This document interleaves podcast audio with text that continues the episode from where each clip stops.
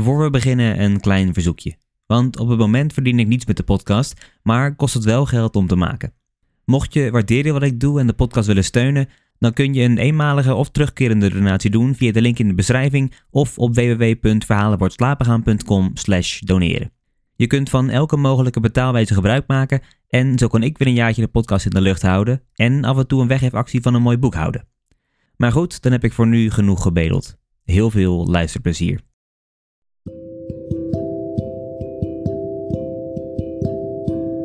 Hallo allemaal en welkom.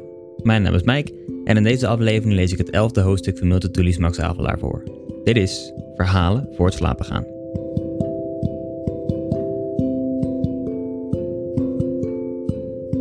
Het is alweer een paar afleveringen geleden dat ik uit de Max Havelaar heb voorgelezen, dus ik zal het geheugen weer een beetje opfrissen.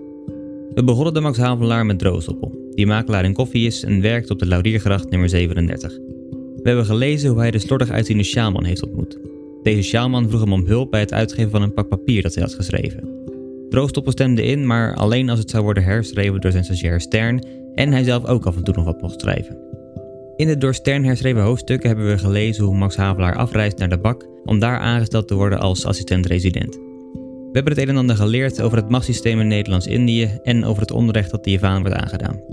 Ook weten we dat sommige personages Max maar een raar persoon vinden, maar daar trekt hij zich niets van aan. Zijn enige taak is om de zaken op te stellen en er alles aan te doen om het onrecht op te lossen. In de vorige aflevering hebben we twee hoofdstukken van Droostoppel gelezen, waarin hij zijn zoontje en Stern op het tussen haakjes juiste pad probeerde te brengen. Ook was er een priester die ons vertelde hoe heide die Javanen wel niet waren en dat het de taak van de Nederlanders was om dat recht te zetten. Als lezers weten wij natuurlijk onderhand wel beter. Dit heeft als gevolg dat we alles wat uit de mond van Droostoppel komt in twijfel trekken. En misschien is dat maar beter ook. In het volgende hoofdstuk neemt Stemmer de pen op en vervolgen we het verhaal van Max. Dit is de Max Havelaar.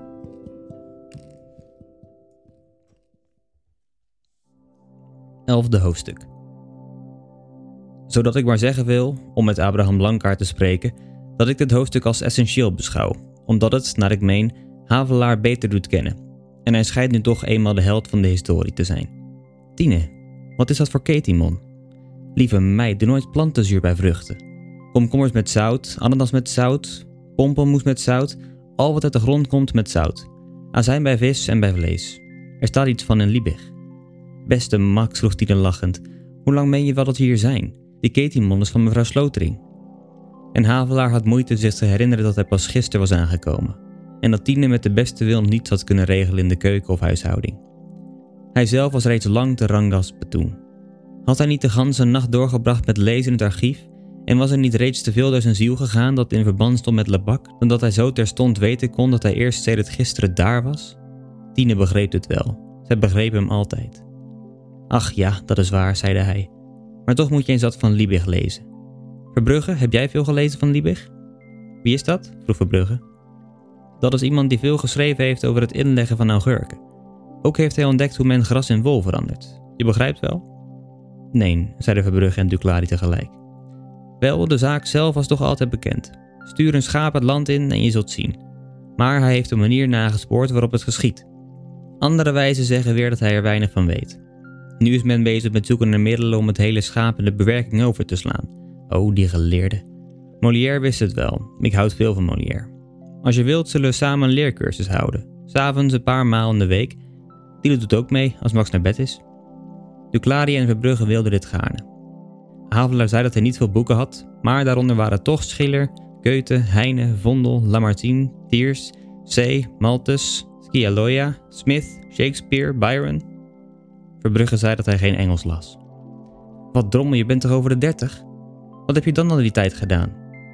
Maar dat moet nogal lastig voor je zijn geweest op Padang, waar zoveel Engels gesproken wordt. Heb je Miss Mataapi gekend? Nee, ik ken die naam niet. Het was ook haar naam niet. We noemden haar zo in 1843 omdat haar ogen zo schitterden. Ze zal wel getrouwd zijn. Het is al zo lang geleden. Nooit heb ik zoiets gezien. Ja, toch, te Aarle. Daar moet je eens heen gaan. Dat is het schoonste wat ik heb gevonden op al mijn reizen. Er bestaat niets, dunkt me, wat je zo klaar de schoonheid in het afgetrokkene voorstelt als zichtbaar beeld van het ware, van het onstoffelijk reine als een schone vrouw. Geloof me, gaat het naar Aarle en Niem. Duclari, Verbrugge en, ik moet het erkennen, ook Tine konden een luide lach niet onderdrukken bij de gedachte zo opeens uit de westhoek van Java over te stappen naar Aarle of Nîmes in het zuiden van Frankrijk. Havelaar, waarschijnlijk in zijn verbeelding op de toren staande, die door de Sarakenen gebouwd is op de omgang van de arena te Aarle, had zich enigszins in te spannen voor hij de oorzaak van die lach begreep, en toen ging hij voort. Nu ja, ik meen, als je daar in de buurt komt. Zoiets heb ik nooit ergens meer ontmoet. Ik was gewoon aan teleurstellingen bij het zien van alles wat zo hoog wordt opgehemeld. Ziet eens bijvoorbeeld de watervallen waarvan men zoveel spreekt en schrijft. Wat mij betreft heb ik weinig of niets gevoeld de Dondano, de Maros, de Schaffhausen bij de Niagara. Men moet zijn boekje inzien om daarbij de vereiste maat zijner bewondering bij de hand te hebben, over zoveel voeten vals en zoveel kubieke voeten waters in de minuut. En als die cijfers dan hoog zijn, moet men hè zeggen. Ik wil nooit weer watervallen zien, althans niet als ik er een omweg voor moet maken. Die dingen zeggen me niets. Gebouwen spreken me wat luider toe, vooral wanneer het bladzijden uit de geschiedenis zijn. Maar hierbij spreekt een gevoel van heel andere aard. Men roept de vergangenheid op en laat de schimmen van het verledene de revue passeren. Hieronder zijn zeer afschuwelijke, en dus hoe belangrijk dit soms wezen moog, men vindt in zijn gewaarwordingen niet altijd voldoening voor schoonheidsgevoel, onvermengd althans nooit. En zonder de geschiedenis erbij te roepen, is er wel veel schoons in sommige gebouwen, maar het wordt gewoonlijk bedorven door gidsen, van papier, van vlees en been, het komt overeen uit.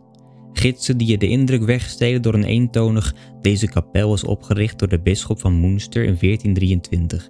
De zuilen zijn 63 voeten hoog en rusten op ik weet niet wat en het kan me niet schelen ook. Dat gebabbel is vervelend, want men voelt dat men dan juist 63 voet bewondering moet gereed hebben, om niet in de ogen van sommigen door te gaan voor een vandaal of geschäftsreiziger. Dat is een ras. De vandalen?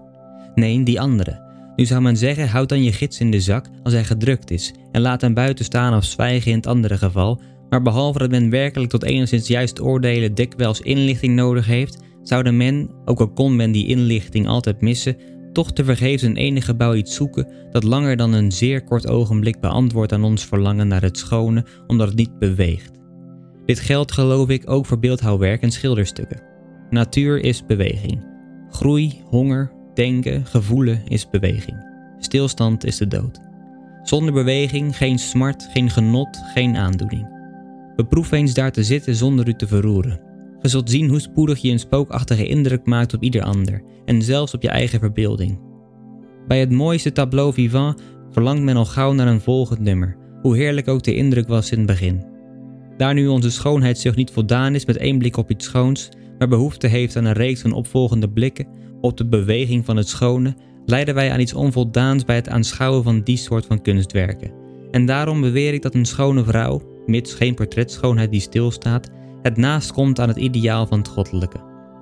Hoe groot de behoefte is aan de beweging die ik bedoel, kan men enigszins opmaken uit de walging die een danseres veroorzaakt, al waren zij Elsler of Taglioni, wanneer ze na een dans op haar linkerbeen staat en het publiek toegrijnst.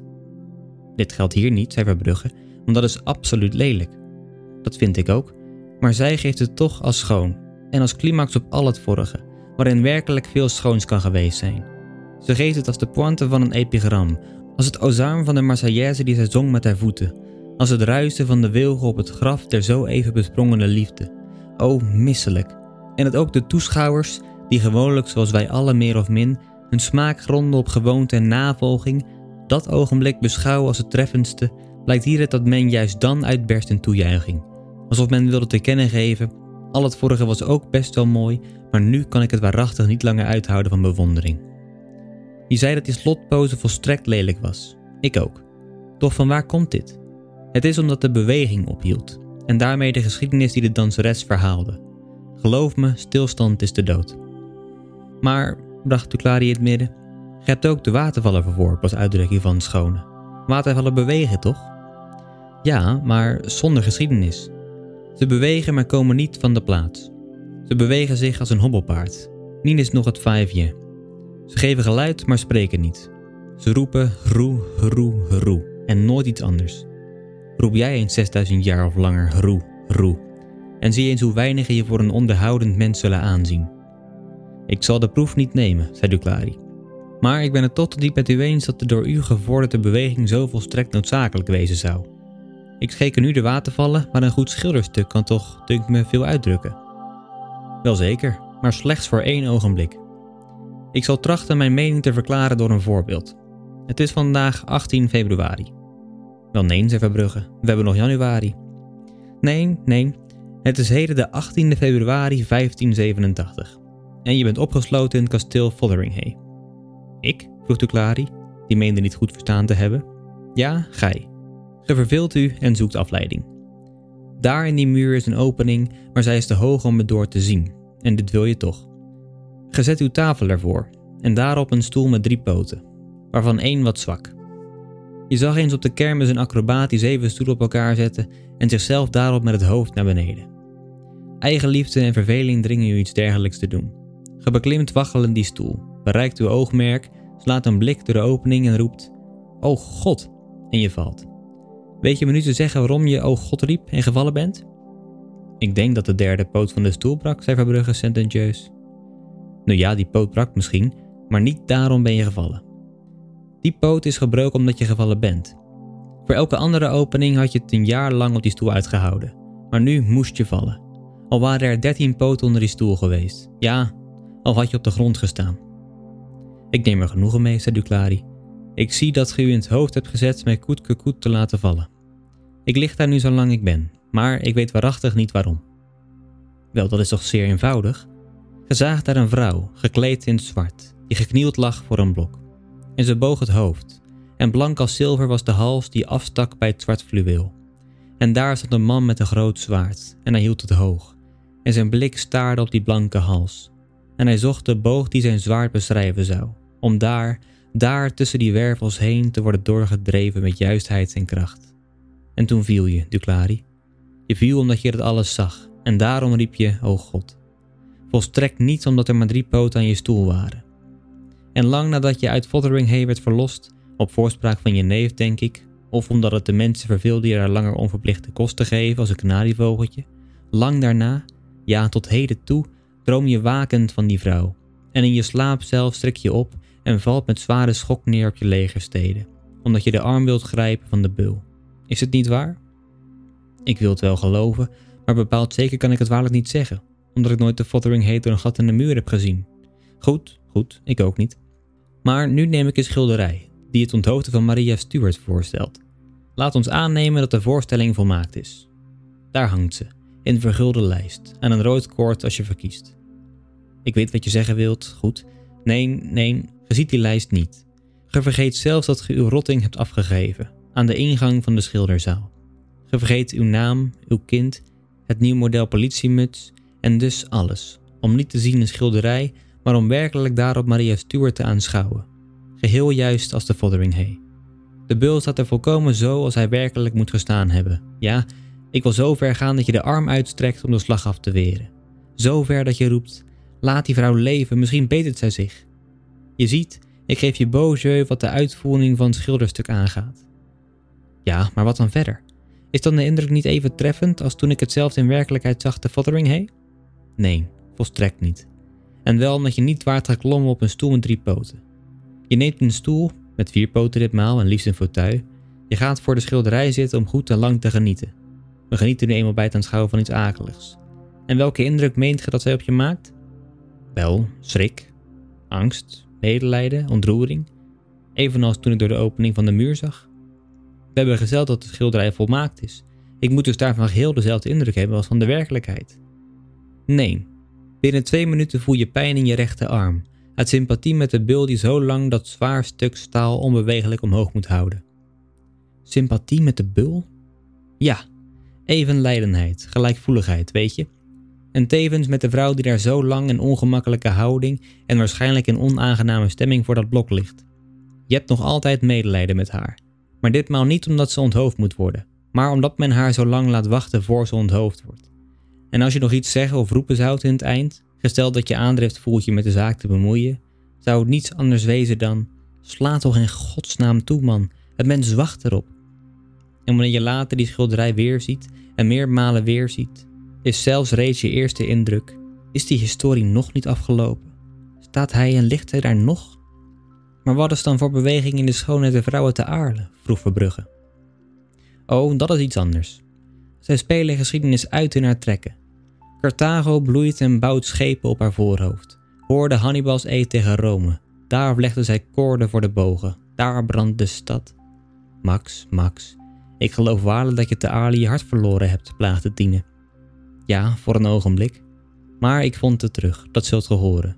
Verbeeld u, ik dacht niet dat heb ik een vrouw gezien die zo of zo schoon was. Nee, allen waren zij schoon. En het was dus een onmogelijkheid daar Poutou de Bon verliefd te worden. Omdat elke volgende weer de vorige uit je bewondering verdrong. En ik dacht daarbij waarlijk een Caligula of Tiberius. Van wie vertellen ze het fabeltje? Die het hele menselijk geslacht maar één hoofd toewenste.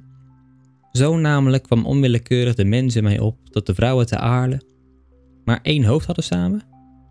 Ja. Om het af te slaan? Wel nee. Om het te kussen op het voorhoofd wilde ik zeggen. Maar dat is het niet. Nee, om erop te staren en ervan te dromen en om goed te zijn. Duclari en Verbrugge vonden waarschijnlijk dit slot weer bijzonder vreemd. Maar Max bemerkte hun verrassing niet en ging voort. Want zo edel waren de trekken dat men iets als schaamte voelde slechts een mens te wezen en niet een vonk, een straal. Nee, dat was stof, een gedachte. Maar dan zat daar opeens een broer of een vader naast die vrouwen. En, God bewaar me, ik heb er een gezien die haar neus snoot. Ik wist wel dat je er weer een zwarte streep over zou halen, zei Tiener verdrietig. Kan ik het helpen? Ik had ze liever dood zien vallen. Mag zulke meisje zich profaneren? Maar meneer Havelaar vroeg Verbrugge, als ze nu eens verkouden is. Wel, ze moest niet verkouden zijn met zulke neus. Ja, maar Alsof het boze spel sprak, opeens moest Tine niezen. En voor ze eraan dacht, had ze haar neus gesnoten. Beste Max, wil je niet boos aan worden? vroeg ze met teruggehouden lach. Hij antwoordde niet. En hoe gek het schijnt of is, ja, hij was er boos om. En wat ook vreemd klinkt, Tine was blij dat hij boos was. En van haar vergde meer te zijn dan de Pokese vrouwen te aarde. Al was het dan ook niet omdat ze reden had groots op haar neus te wezen. Als Duclari nog meende dat Havelaar gek was, had men het hem niet ten kwade kunnen duiden wanneer hij zich in deze mening versterkt voelde. Bij het bemerken der korte verstoordheid die er, na en om dat neussnijten, op Havelaars gelaten lezen was. Maar deze was teruggekeerd van Carthago en hij las, met de snelheid waarmee hij lezen kon als hij niet te ver van huis was met zijn geest, op de gezichten van zijn gasten dat zij de twee volgende stellingen opwierpen. 1. Wie niet wil dat zijn vrouw haar neus snijdt, is een gek. 2. Wie gelooft dat een in schone lijnen getekende neus niet gesnoten mag worden, doet verkeerd dit geloof toe te passen op mevrouw Havelaar, wier neus een beetje aan pomme de terre is. De eerste stelling liet Havelaar rusten, maar de tweede. Oh, riep hij, alsof hij te antwoorden had schoon zijn gasten te beleefd waren geweest de stellingen uit te spreken. Dat zal ik u verklaren. Tine is... Beste Max, zeide zij smekend.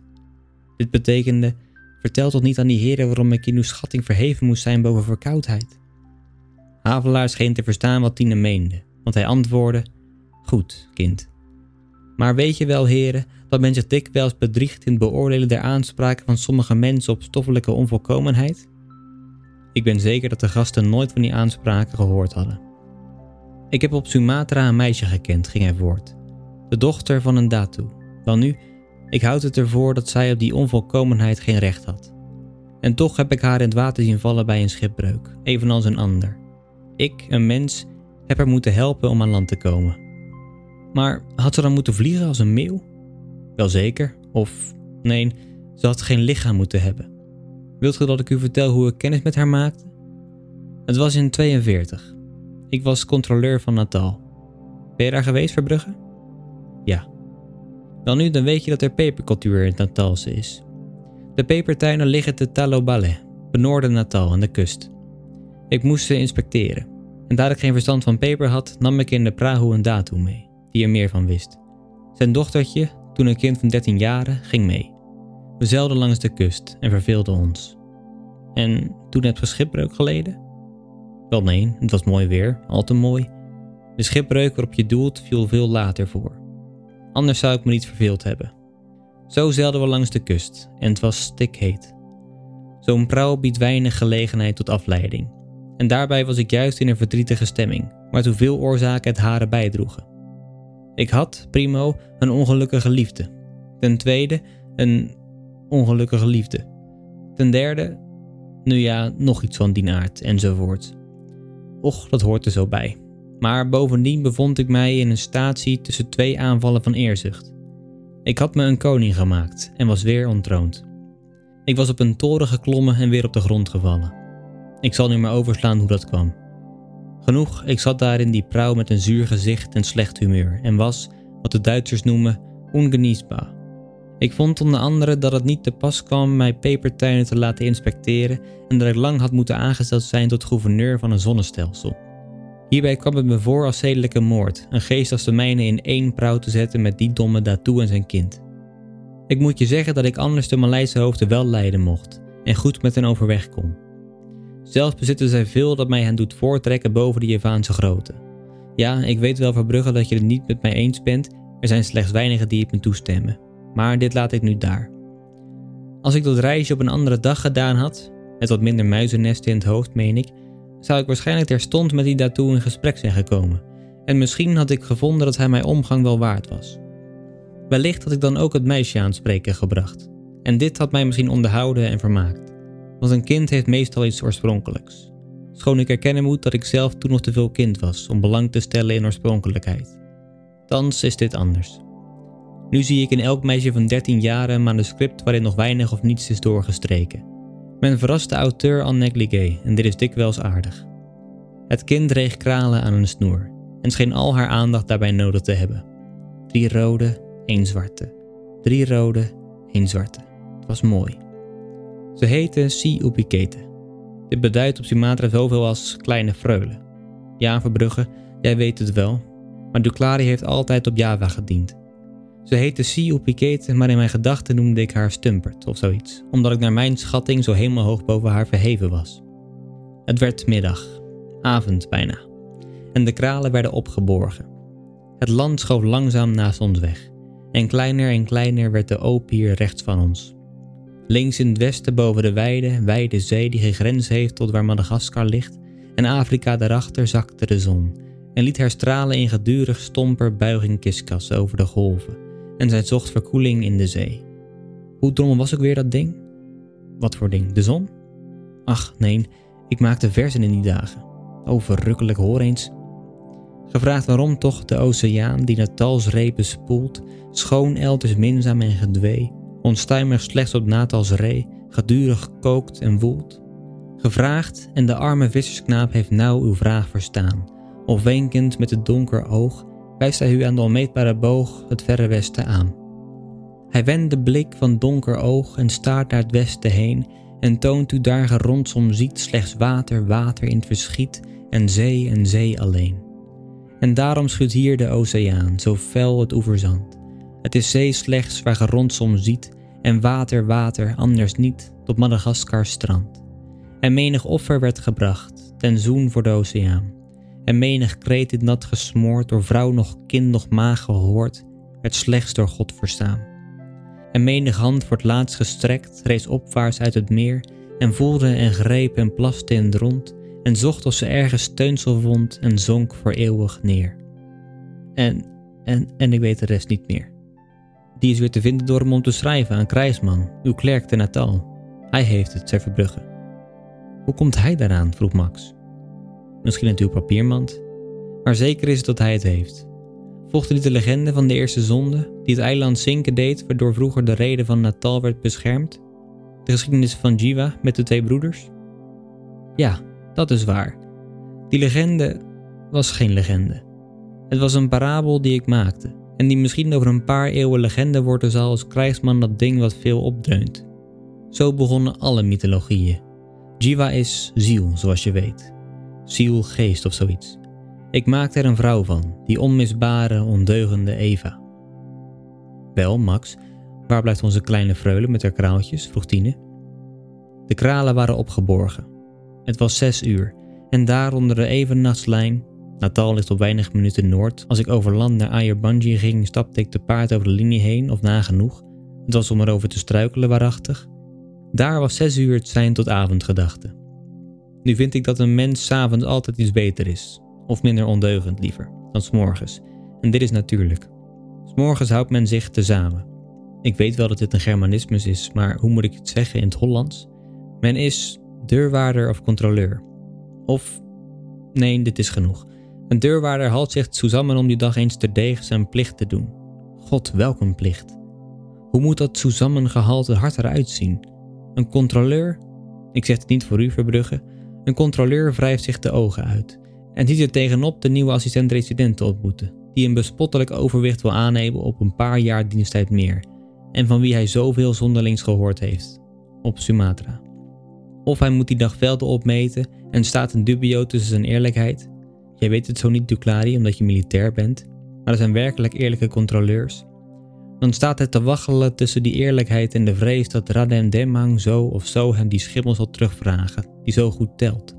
Ofwel, hij moet die dag kordaat ja of nee zeggen, in antwoord op missieve nummer zoveel.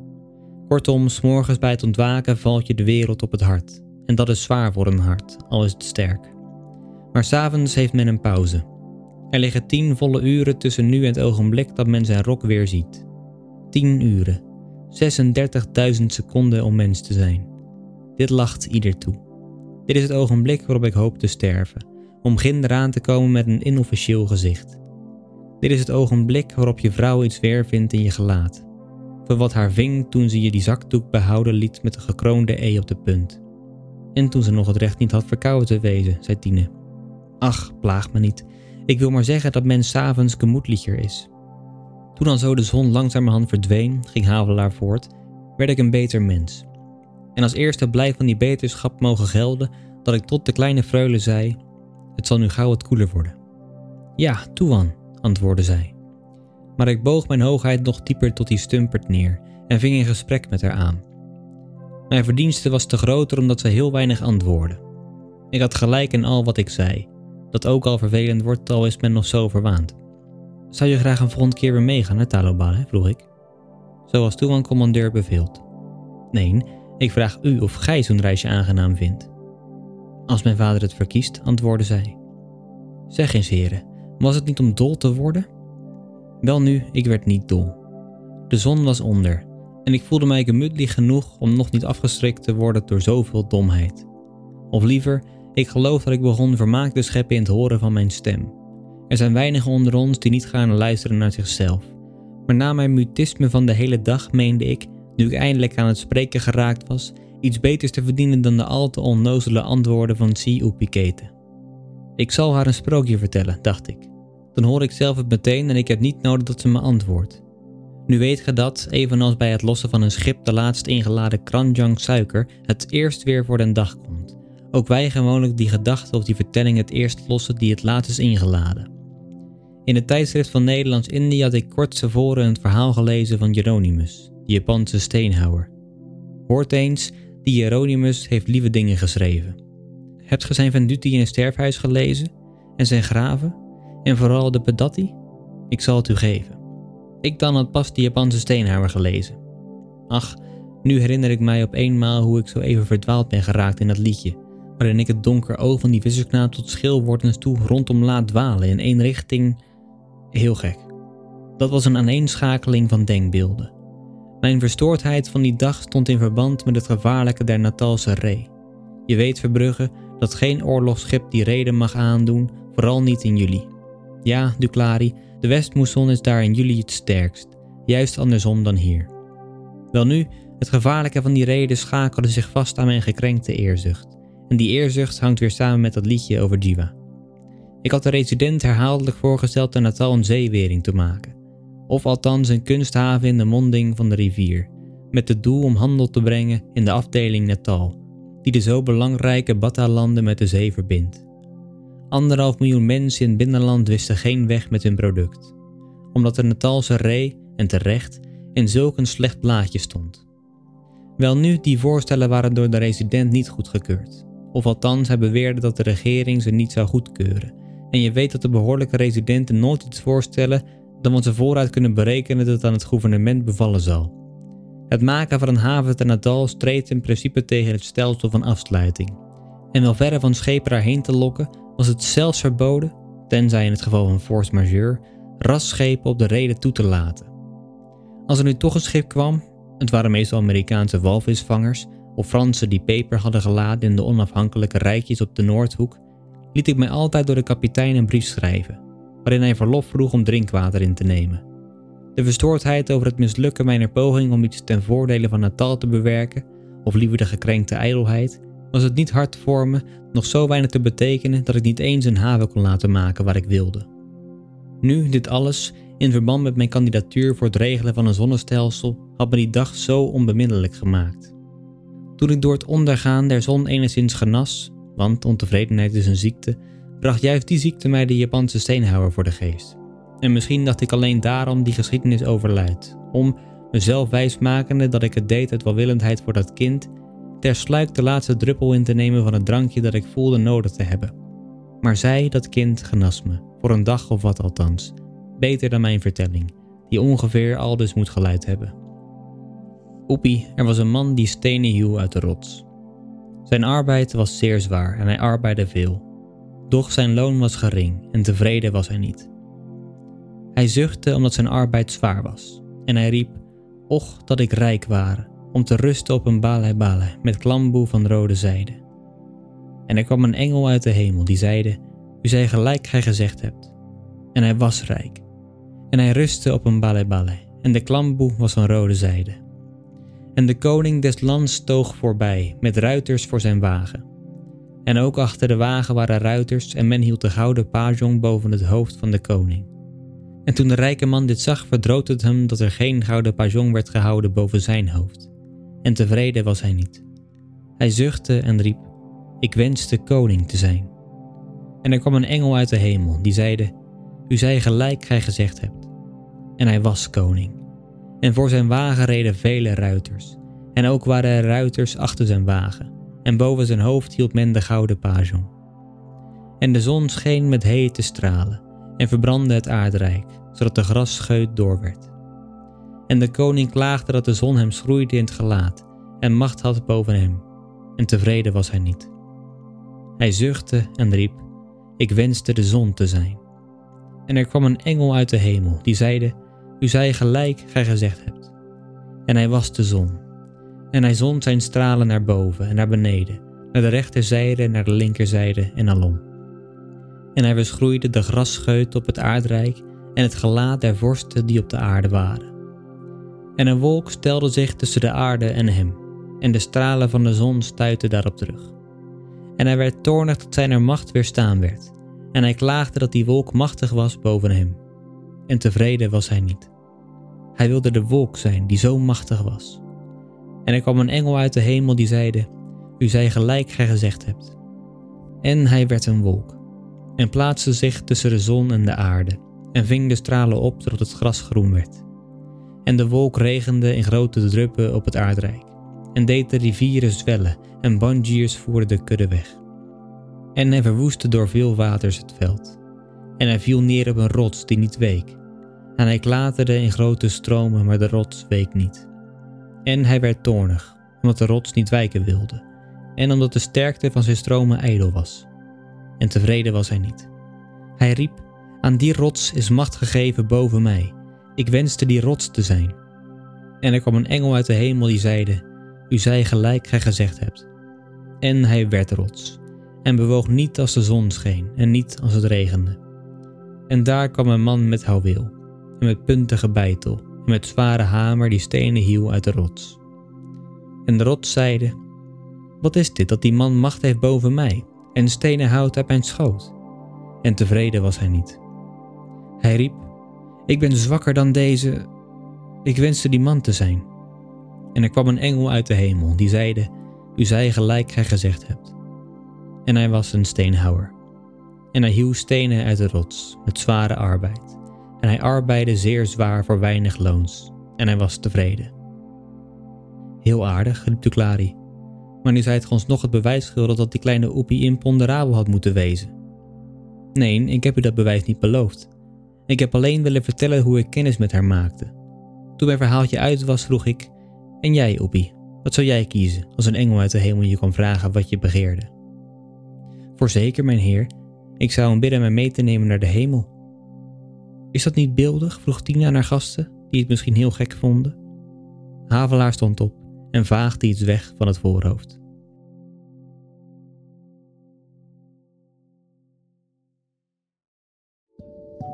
Dat was het elfde hoofdstuk van de Max Havelaar. 15 pagina's waarin we eigenlijk niets anders volgen dan een simpel gesprek tussen Max, Duclari, Verbrugge en Tine. Volgens de verteller, Sterndus zouden we in dit hoofdstuk Max nog beter leren kennen. Het is misschien wel het stuk waar ik het minst over te vertellen heb. Waarschijnlijk doordat er veel voorbeelden worden gegeven om een punt duidelijk te maken en doordat we Max ook vooral leren kennen door de manier waarop hij praat. Het gaat vooral om beweging, leven, dood en schoonheid. Max vindt dat stilstand de dood is en beweging het leven. En iets kan alleen maar mooi zijn als het in beweging is. Zo spreekt hij over de schoonheid van de vrouwen in een Franse stad als een soort eenheid. De vrouwen in de stad samen en de beweging tussen hen zorgt als het ware voor één algemene grote schoonheid. Ook zegt Max dat een schilderij niet mooi of schoon kan zijn omdat het stilstaat. Niet zou volgens hen de werkelijke gebeurtenis overtreffen.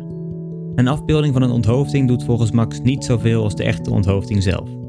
Nu vind ik dit persoonlijk wat overdreven en denk ik dat er ook veel moois zit in stilstaande dingen, maar dit idee van beweging past wel goed bij Max' karakter. Hij is immers altijd in beweging. Zijn levendige natuur zorgt ervoor dat hij altijd vooruit wil, om zich heen kijkt naar het leven en probeert een betere toekomst te maken. Ook vertelt hij op het eind nog een verhaal over een Japanse steenhouwer aan een klein meisje. In eerste instantie lijkt de moraal van het verhaal dat je niet te veel moet willen en tevreden moet zijn met wat je hebt. De steenhouwer dacht immers de hele tijd dat hij iets miste, maar kwam op het eind weer bij zijn eigen gedaante terecht. Maar wanneer Max aan het meisje vraagt wat zij zou willen als een engel op haar schouder komt, zegt ze dat ze zou vragen of ze mee mag naar de hemel. Oftewel, het meisje leeft in een wereld waarin ze eigenlijk niet zou willen leven. Daarmee opent ze de ogen van Max, en misschien heeft zij er dus uiteindelijk voor gezorgd dat het Max een doel werd om het onrecht op te lossen. In het volgende hoofdstuk zetten we het verhaal van Max voort en gaan we zien hoe hij zich in Lebak ontwikkelt. Ik wil jullie hartstikke bedanken voor het luisteren naar deze podcast. Voor achter de schermen, updates, vragen of opmerkingen kun je me vinden op Instagram of Facebook onder de naam Verhalen voor het slapen gaan en dan zie slash hoor ik jullie volgende week. Voor nu, goede nacht, slaap zacht.